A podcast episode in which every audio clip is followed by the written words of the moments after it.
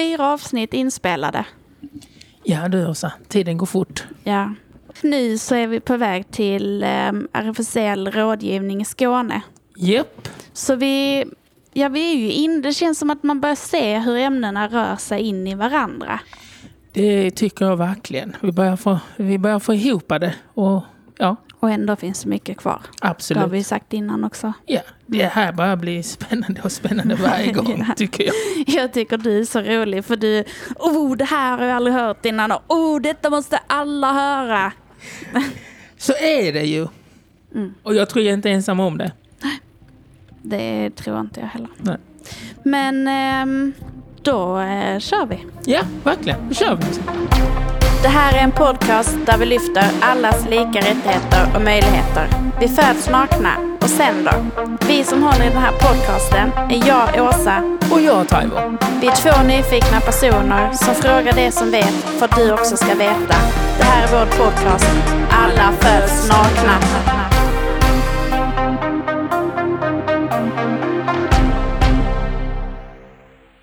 Hallå Taibo! Ja, hej Åsa. Här sitter vi igen. Och det är så roligt. Var är vi någonstans idag? Vi är ju på RFSL rådgivning i Skåne. Och vi har två personer som sitter mitt emot oss som är ivriga för att presentera sig. Jag heter Joanna Dorntic och är eh, auktoriserad socionom och arbetar här framförallt med utbildningar och frågor som rör sexuell eh, och reproduktiv hälsa och rättigheter. Och jag heter Mikael Andersson. Jag jobbar som projektutvecklare. Jag jobbar främst med fokus på virus och bakterier direkt riktat till gruppen män som har sex med män och transpersoner. Ja, var hittar man er fysiskt i Malmö? Vi finns på Drottninggatan 36 och Västra Kanalgatan 1. Vi har två ingångar beroende på vilket ärende man kommer hit. Och vem är ni eh, till för? Vi är ju framförallt till för eh, hbtq-personer och hbtq står ju för homosexuella, bisexuella, transpersoner och queera. Och nyligen så la vi till ett i och det står ju för intersexuella. Så för hbtqi-gruppen, eh, de som behöver samtalsstöd, de som vill komma hit och testa sig angående hiv eller syfilis. Men vi är också till för yrkesverksamma som vill öka sin kompetens gällande eh, gruppens behov och generellt sin kompetens gällande frågor kring kön och sexualitet. Och då kommer vi in lite på det här, du säger hbtq. Och sen så har vi hört hbtq plus och sen hbtqi. Um, ehm, finns det en begreppsförvirring? Nej, Jag tror inte att jag skulle kalla det som en begreppsförvirring. Det är bara att eh, beroende på hur man utvecklar de här, man ser ju fler och fler grupper eh, får definiera sig själva. Och då homosexuella, det första H det är för de flesta ganska klart. B bisexuella, då är man fortfarande med. Transpersoner, T då börjar man kanske undra vad är det här för någonting. För då lämnar man sexualiteten och hamnar på kön och identifikation. Så det är könsidentitet, transpersoner. Eh, och sen Q som då är queera. Och då är man, eh, det är mer en definition som ska vara lite svår och lite svår att definiera. Vilket innebär att det kan vara en identitet men det kan också vara ett sätt att välja att leva. Eh, och sen i då intersexuella som min kollega här sa precis. Eh, det är ju utifrån genitalier till exempel. Vem är man? Att man inte, kroppen ser genetiskt eller biologiskt inte ut som vi är vana vid. Man tror att en kvinna ska se ut på ett speciellt sätt och en man på ett sätt.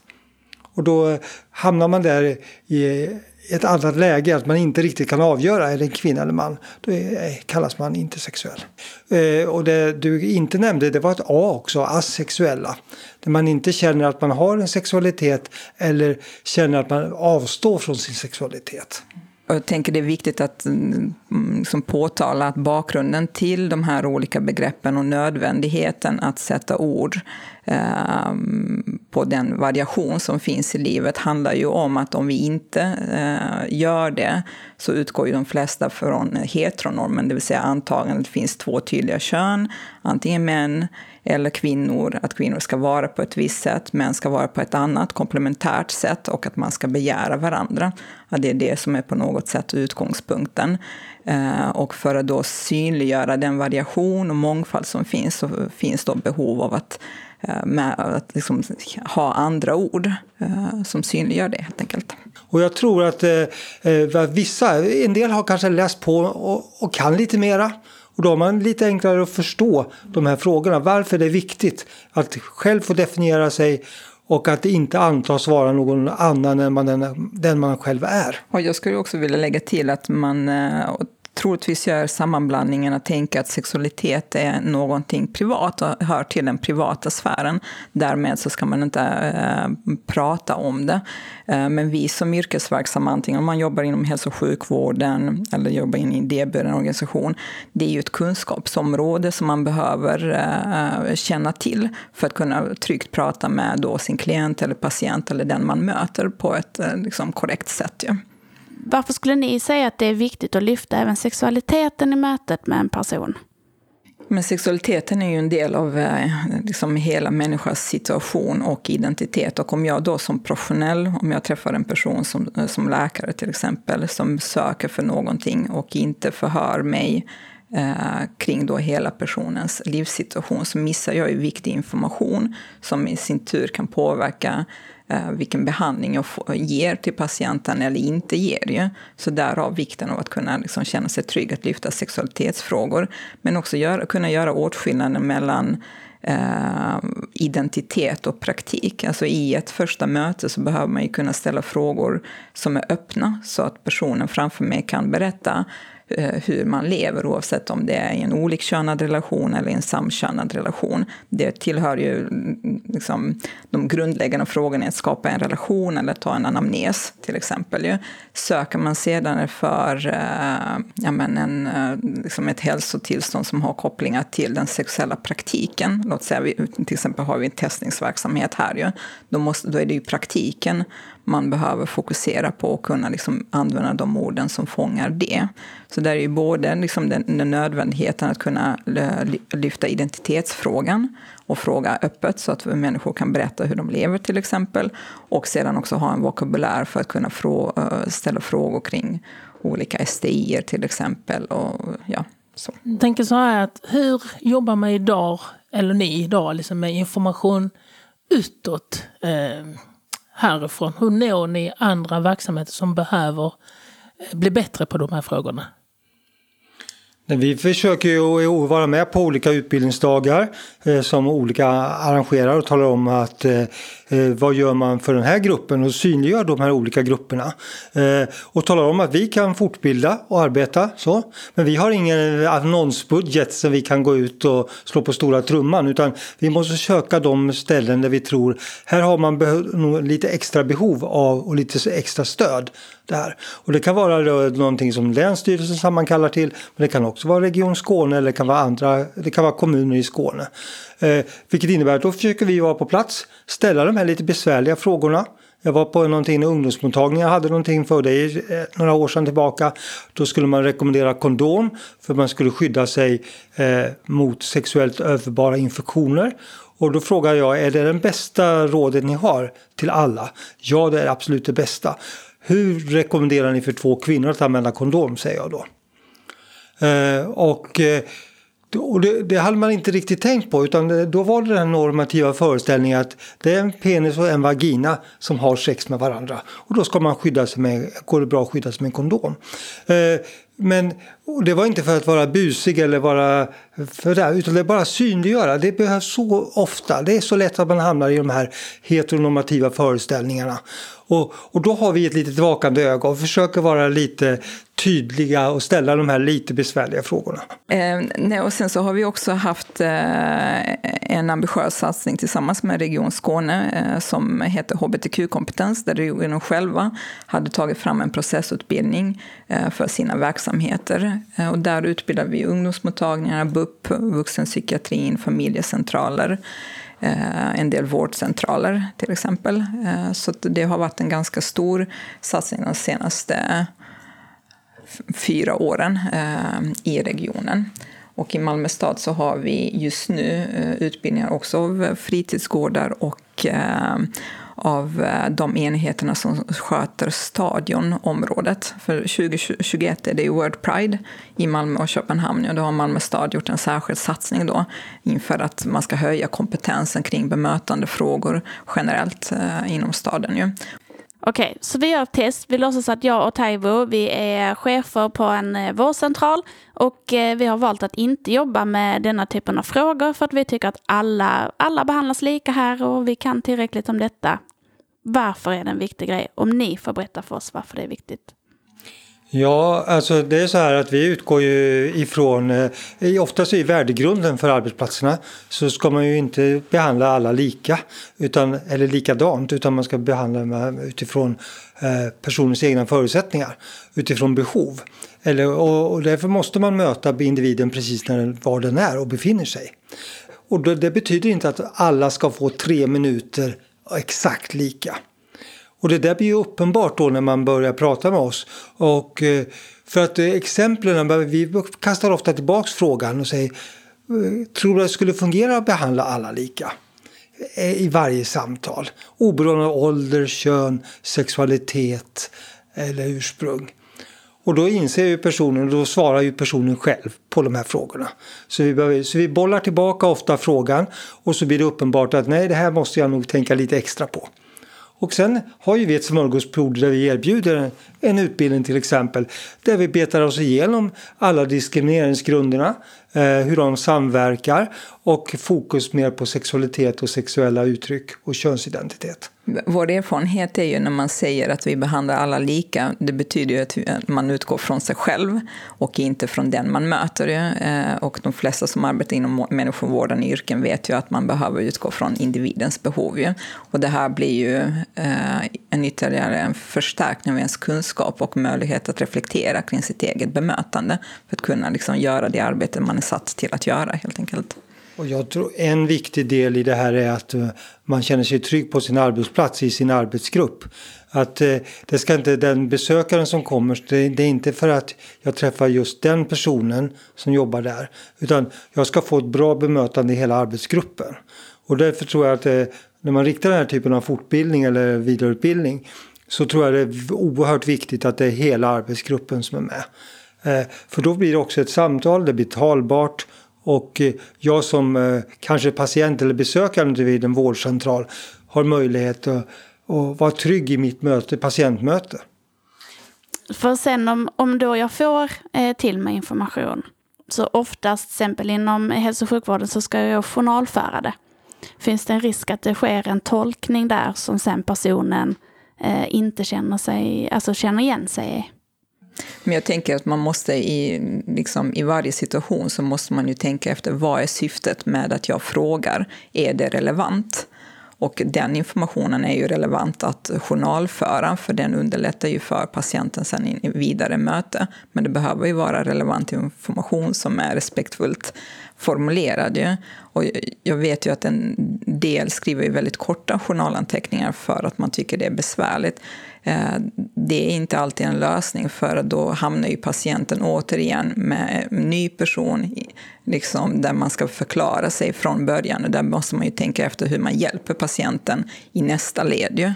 Så att ibland är det väldigt viktigt att vara tydlig i sina journalanteckningar så man blir rätt behandlad. Och det kan också vara viktigt att man får, eh, eh, vi vet ju att folk blir kallade till fel typ av provtagning eller kontroller för att man har ett kvinnligt personnummer men man har en biologisk manskropp. Eh, och det är sånt där som gör att vi måste få bättre system för just transpersoner är väl de som är, eh, är svårast eh, att klara av i den här i de här datasystemen som är väldigt normativa. Som är bundna till personnumret. Ja. Men jag har en fråga kring det här om vi går tillbaka till eh, verksamheter och så vidare. Hur jobbar, alltså vad tycker ni eller vad upplever ni när ni är ute och träffar eh, i olika verksamheter som en utmaning? Hur gör man de här frågorna intressanta? Vi kan nog kanske svara på det båda två, men jag, det viktigaste är, det är ju så att ingen tycker att de här frågorna är på enhetsnivå är det ingen som tycker att de är ointressanta. Och man, känner, man känner kunskapshunger för att lära sig mera. Och så här. Det finns enskilda individer som har stora frågetecken kring det. Men sen är det ju också så att eh, har man inte processat de här frågorna med hjälp av oss eller på annat sätt är där, så är man inte speciellt kunnig. Så att, eh, det är inte så att alla enheter ligger på samma plats. Det är ständig bearbetning och arbeta för de här frågorna. Så att vissa enheter långt på, väg, på vägen och en del är långt borta. Och min erfarenhet är ju att man särskilt inom hälso och sjukvården eh, tycker att de här frågorna är viktiga för att man förstår ju att hälsoskillnaden är ju så stor mellan hbtqi-gruppen och övriga och därmed och hälso och sjukvården är ju en viktig aktör för att komma till rätta med detta så att det är liksom en kompetens som man efterfrågar ju. Eh, och som ingår i ens uppdrag. Och det andra eh, perspektivet som man kan anlägga på det är ju att frågor kring normer om kön och sexualitet rör oss ju alla, för den sätter ju ramen kring hur vi blir uppfattade som människor. Och liksom utbildningen, hbtq-kompetens som vi nu pratar om, pendlar ju just med alltså, handlar ju just om att sätta ljuset på hur de här normerna begränsar oss och hur de de facto påverkar individers hälsa oavsett om vi är liksom cis-personer, man är en cis-kvinna eller cis-man eller hbtqi-person. Skulle ni kunna ändå tycka att eh, vi är på god väg eller att det, det, det sker någon utveckling? Eller tycker ni vi fortfarande är kvar i den jag tycker, jag tycker att vi är en bra bit på väg. Och, och framförallt tycker jag det kanske är de programdokument som har skrivits de senare åren. Att man har en ambition när det gäller sexuell hälsa och könsidentitet. Men sen när det gäller att prioritera den här vardagskompetensen, eh, den dagliga verksamheten jag känner mig trygg på min arbetsplats för att möta eh, personer i mitt arbete. Då känner jag inte riktigt eh, att jag har tagit de där sista stegen som är att det här ska bli verklighet. Nej, men jag tänker att om vi tittar tillbaka lite så mm, det har ju hänt jättemycket när det gäller likabehandling i Sverige och eh, hbtqi-frågor. Eh, vi har ju den utbildningsivern som finns inom olika verksamheter. Den har ju inte funnits tidigare. Eh, men sen är det precis som Micke säger att man behöver ju inte bara vackra dokument utan man behöver ju också praktiskt kunna eh, arbeta med de här frågorna och liksom konkretisera dem. Vad betyder det för oss i just i vår verksamhet? Om det är till exempel en familjecentral, hur arbetar vi då med frågor kring kön och sexualitet så att alla kan känna sig inkluderade och att vi själva är trygga eh, i bemötandet, har verktyg för det. Hälsoskillnader. Vilka skillnader ser vi? Men om jag skulle nämna några så eh, kan man ju generellt säga att den psykiska ohälsan är betydligt större då i hbtqia-gruppen än eh, hos övriga. Och där ser vi till exempel att eh, det är en större förekomst av depressioner, ångest, självmordsförsök Eh, och självmordstankar. Och det här kopplar man ju till den stigmatiseringen som man fortfarande upplever i samhället. Och det är ett fenomen som vi brukar kalla minoritetsstress, det vill säga en särskild stress som uppstår i att man är en utsatt minoritet i samhället, som bygger ju då på en idé hur man ska vara som människa. Eh, och att den idén föder diskriminering, eh, hot, våld mot de som bryter mot den idén. Eh, och att det är liksom de, de facto någonting som kommer utifrån, alltså från mellanmänskliga relationer. Men att det också påverkar ens egen bild kring sig själv. Hur, liksom, vem är jag som människa? Duger jag? Är jag rätt? Så att säga.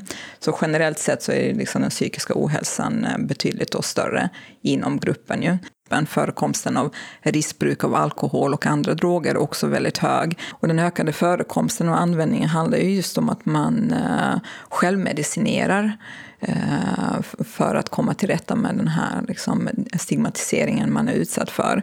Och då är det ju jätteviktigt att olika aktörer eh, som arbetar med missbruk har ju kännedom att det finns en ökad, eh, ett, ökat riskbruk inom gruppen. Ju.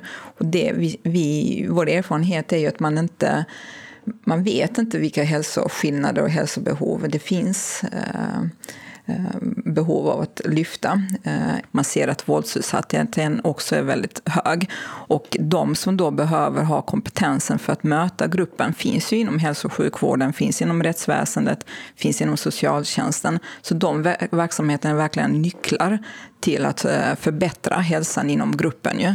Så det är ju egentligen de som vi är mest intresserade av att samarbeta med. Mm. Sen om man tittar på olika, liksom, så att säga, vi använder det här grupp, liksom, uttrycket hbtqi eh, för att liksom eh, man, man, man, pratar om hela gruppen, men man kan ju också titta på liksom, grupper inom den här gruppen och då ser det liksom olika ut. Eh, man ser till exempel att transpersoner har betydligt mer utsatta eh, för diskriminering och har större förekomst av psykisk ohälsa. Unga är ju också mer utsatta, unga är generellt mer utsatta och har en större förekomst av psykisk ohälsa än äldre. Eh, till exempel när det gäller MSM-gruppen Ja, det, då kan det röra sig kring... Och MSM betyder? Det är män som har sex med män. Eh, och då är, utgår det inte från eh, det här med som vi har pratat om, de här H och B eh, som vi har pratat om innan, alltså identitet. Utan det är praktik, praktik, sexuell praktik. Därför brukar vi snarare använda män som har sex med män. Och där ser man en över eh, risk, en större riskutsatthet när det gäller sexuellt överförbara infektioner. Vilket innebär att man bör testa sig lite oftare. Eh, och eh, på det sättet så innebär det att man eh, undviker att eh, gå, dra på en infektion eller att föra den vidare till sin partner. Och det går att testa sig här? Det kan man göra. Vi, vi har just fått de målgrupperna från Folkhälsomyndigheten så vi ska testa transpersoner och män som har sex med män. Det är de två grupperna vi tar emot här. Och på vilket sätt skiljer sig de testerna åt jämfört med om det hade gått till en vårdcentral till exempel? När det gäller eh, syfilis och hiv så har vi eh, provtagning med snabbsvar. Man får eh, eh, svaret redan efter 10 minuter. Eh, vilket innebär att man får eh, den dag man kommer hit och har bokat ett möte eller kommer på drop-in så får man också svaret. Eh, det har man inte på vårdcentralen, det skickas till laboratorium. Sen har vi också ett självtest för de andra sexuellt överförbara infektionerna. Klamydia, gonorré, mykoplasma och trichomonas. Eh, och eh, där eh, man får, eh, det skickar vi till laboratorium, man får svar inom två dagar. Eh, fördelen där är att man eh, får också en provtagning i som vi kallar i alla lokaler. Det betyder att man kan ha sex med munnen, man kan ha sex eh, genitalt och man kan ha sex rektalt. Och det är så på 1177 det testet som man kan smidigt beställa hem. Så är det bara det genitala sexet som registreras. Så. Har man haft sex med munnen så kan en gonorré sitta där, då märker man inte den. Eh, vi ser också att trikomonas är eh, en väldigt eh, ovanlig sjukdom när det gäller män. I Sverige så står det i alla kursböcker överallt, man får lära sig. Vad konstigt att just de som har provtagit oss här, för man har nämligen ingen generell provtagning, screentestning i Sverige. Varför får vi ett utfall som innebär att vi har hälften av alla trikomonas efter ett halvår i hela Sverige? Det är helt obegripligt. Nej, det är därför man inte testar inom sjukvården. Alltså vet man inte. Så man går omkring med de här infektionerna utan att känna till dem. Och därför måste de här testerna göras eh, mer regelbundet än vad vi har gjort tidigare. Ett annat område som vi också arbetar med är ju våld i nära relation. Där ser vi till exempel att unga är mer utsatta och vi ser också att eh, bisexuella kvinnor är mer utsatta. Så där har vi till exempel haft en satsning gentemot socialtjänsten som vi har då utbildat i, eh, i frågor eh, om våld i nära relation generellt men också med särskilt fokus på eh, hbtqi-gruppen.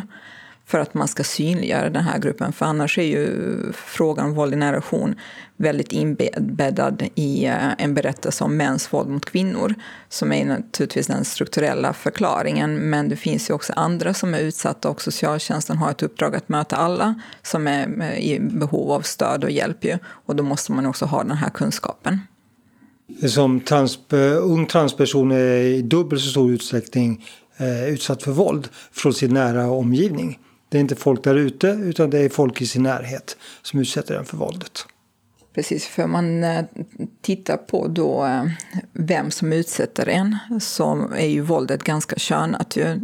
Den, som, alltså den gruppen som är mest utsatt för våld, om vi bortser från sexualiteten, är ju egentligen unga män.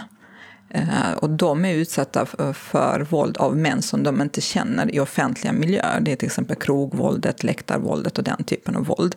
Tittar man då på kvinnor så är de utsatta för våld i nära relation av dem de känner och det sker i hemmet. Ju. Sätter man på då sexualiteten som ett filter över då ser vi att de som är absolut mest våldsutsatta är ju unga eh, kvinnor, unga bisexuella kvinnor. Eh, för att man är utsatt både för våld i offentliga miljöer av helt okända personer men också i sina nära relationer. Då kan det vara föräldrar, släktingar eller en eh, partner. Eh, och sen, jag kommer att tänka på, finns det något, någon plattform där ni jobbar med individer med funktionsvariationer eller, eller verksamheter som möter personer med funktionsvariationer? Alltså, de här frågorna. Alltså dels så har vi ju liksom två samtalsmottagningarna eh, dit man kan vända sig och vi möter personer här med olika funktionsvariationer. Men vi har också arbetat gentemot vuxenhabiliteringen eh, och utbildat faktiskt alla vuxenhabiliterare inom eh, Skåne. Så att det, vi, och det har ju varit ett samarbete med Region Skåne och de själva har också velat lyfta sexualitetsfrågor. Eh, just utifrån att man, det finns ju vissa grupper i samhället som vi tycker eh, det är svårare att arbeta eh, med sexualiteten. Och det är till exempel då personer med olika funktionsvariationer.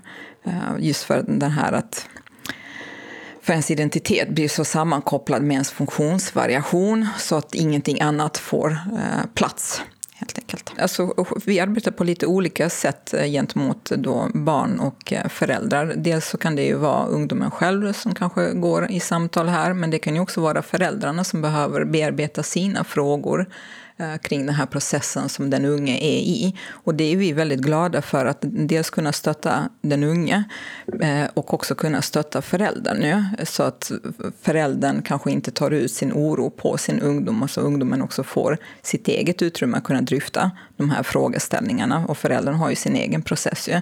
Försöker ju hjälpa familjen på, på det sättet. Ju. Sen så har vi ju anhöriggrupp för eh, Eh, anhöriga till transpersoner där de träffar ju varandra och dryftar de här frågorna. Eh, och vi arbetar ju ganska mycket på det sättet att man, man hjälper varandra eh, i, liksom, kring det här.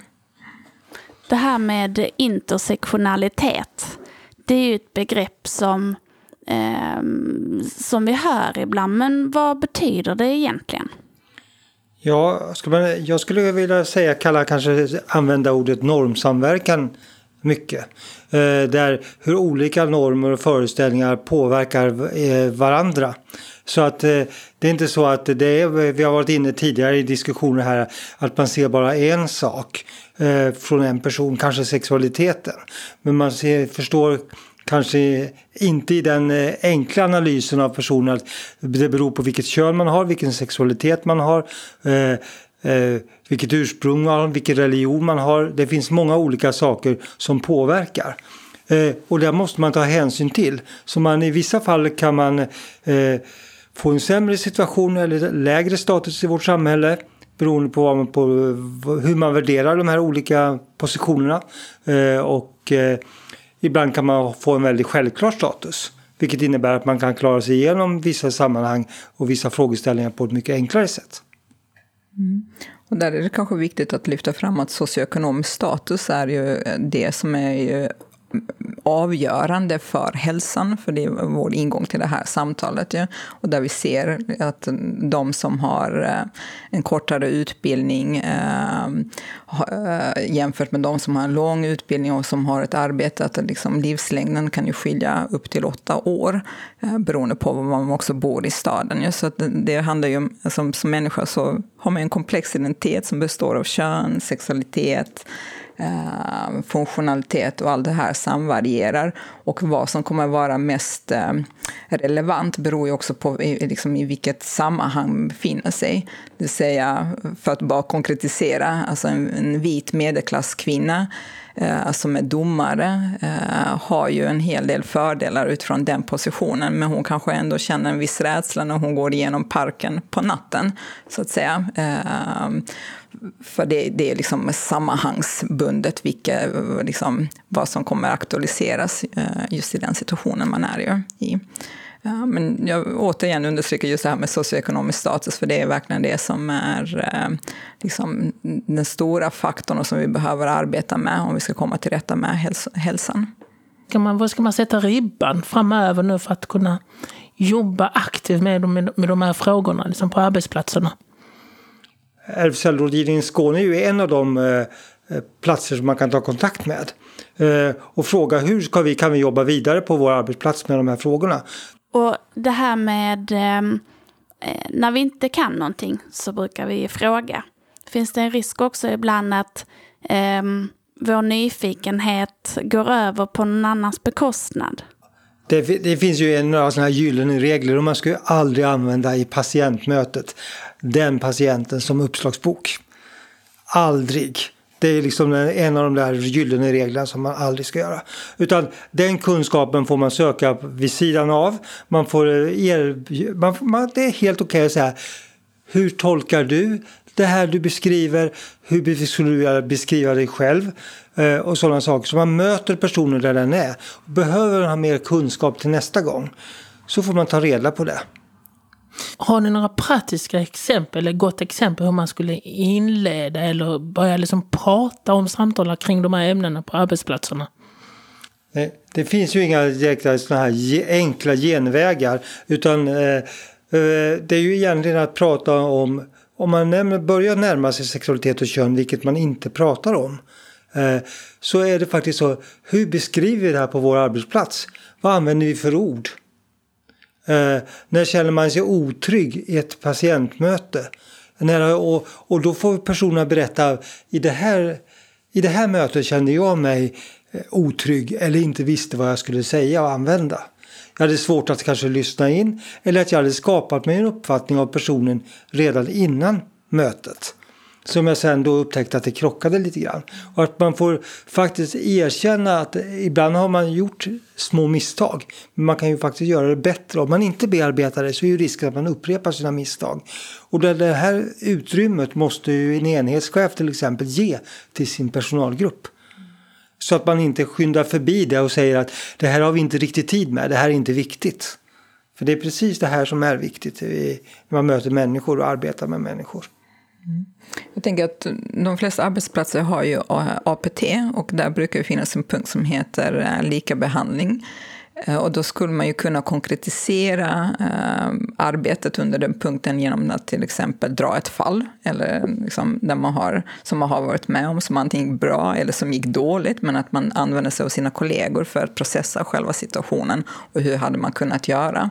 Man kan alltid läsa olika artiklar och diskutera med kollegorna. Alltså för att helt enkelt få igång samtalet kring de här frågorna och använda också kompetensen som finns på arbetsplatsen. För det finns alltid individer som kan mycket kring de här frågorna så att man liksom stärker varandra. Och, så att man inte behandlar det här som eh, liksom en specialfråga där det alltid måste komma någon utifrån utan att oftast så finns det ju kloka individer som kan det här och de kan liksom stötta varandra i att liksom lyfta frågan. När vi, när vi pratar om det här, vi pratar ju utifrån målgrupper och begrepp och ja, en hel del förkortningar och så vidare. Gör det här frågan betydligt mer komplicerad att arbeta med? Nej, men jag, jag, tror det, då är vi åter där igen, att om vi inte har de här olika begreppen som för all del, jag håller med om, kan bli kategoriserande eller stereotypiserande eh, så hamnar vi ändå i att alla är heterosexuella eller alla är cis-personer, för det är det som är den rådande normen i samhället. Ju. Och att därför så behöver vi synliggöra variationen och att människor kommer med en mängd olika erfarenheter gällande kön, gällande sexualitet men också ursprung och livserfarenheter i sig. Och det är därav behovet av de här olika begreppen och orden. Och vi kan, vi kan inte ögonblick lämna hbtq-personer. Men hur ofta möter man eh, personer över 65 med en självklar eh, bild av deras sexualitet till exempel. och, och känner att det här är ju lustfyllt och härligt. Eh, uttalet. Och ibland så kan vi ju uppleva det som att, att det är något säreget eller är det någonting man håller på med även i pensionsåldern. Eh, och det, det där är ju ett ifrågasättande om eh, livet överhuvudtaget. Och det, det här gäller ju hela tiden. Vi, vi avskärmar ju möjligheten till att leva ett fullgott liv på många sätt när vi tar, vi förväntar oss att folk ska vara på ett speciellt sätt. Mm. Mm. Jag kan också kanske lägga till att vi på en liksom strukturnivå behöver ju ha de här olika begreppen för att synliggöra mångfalden. Men i det liksom individuella mötet, ju, där kommer man ju väldigt långt med de öppna frågorna och att inte ha förutfattade meningar kring vem det är som sitter framför en. Ju. Så man kanske, det kanske blir lättare för, för, i diskussionen om vi försöker särskilja de här nivåerna. Att när vi arbetar politiskt med att synliggöra variationen så behöver vi fler ord och ord skapar en verklighet. Eh, därför sitter ni här idag, att vi har arbetat väldigt länge med att lyfta hbtqi-frågor. Ja. Det här hade inte varit möjligt tidigare, men i individmötet så är det ju inte, möter man ju inte en vit person, en homosexuell person, en, eh, man möter ju en människa som behöver någonting och det behöver man. Man måste ha också liksom, kunskapen kring hur det ser ut på samhällsnivå för att också kunna möta individen. Vi har en fråga vi alltid ställer till de som medverkar i podden. Och då brukar vi fråga vad, vad innebär namnet Alla föds nakna för er? Då vill jag fråga vad innebar det för er? vad det innebär för oss, det har vi faktiskt inte avslöjat i podcasten innan. Nej. Men äh, äh, ja, vi har ju en tanke, men ska vi avslöja oss för er? Nej. Nej. Jag kan börja formulera vad jag tänkte på när jag hörde begreppet. Mm. Först tänkte jag varför heter podden så här. Men så tänkte jag att vi föds nakna. Då, om vi bygger på med fördomar och annat eh, i uppväxten. Eller föreställningar om vem man är eller barnet växer upp i. Så känner jag att när vi föds nakna så har vi alla förutsättningar där. Men de här pålagringarna som vi är så väldigt pigga med att lämna över. De, eh, de har man inte när man föds. Utan det är någonting vi klär in människorna i under tiden. Eh, då ska jag anlägga eh, det kritiska perspektivet. När jag hörde det här namnet så tänkte jag att ja, det, det, det är ju något som är sympatiskt med själva meningen, men jag tycker inte det stämmer. Eh, för vi föds med, faktiskt med olika förutsättningar allihopa, som påverkar våra möjligheter sedan. Och det ser vi ju dagligdags i samhället. Ja. Och det är jättebra, jag gillar båda perspektiven. Eh, vår tanke var ju att just i det ögonblicket vi föds, då har ingen av oss kläder på oss. Mer bildligt liksom att i stunden så är vi nakna.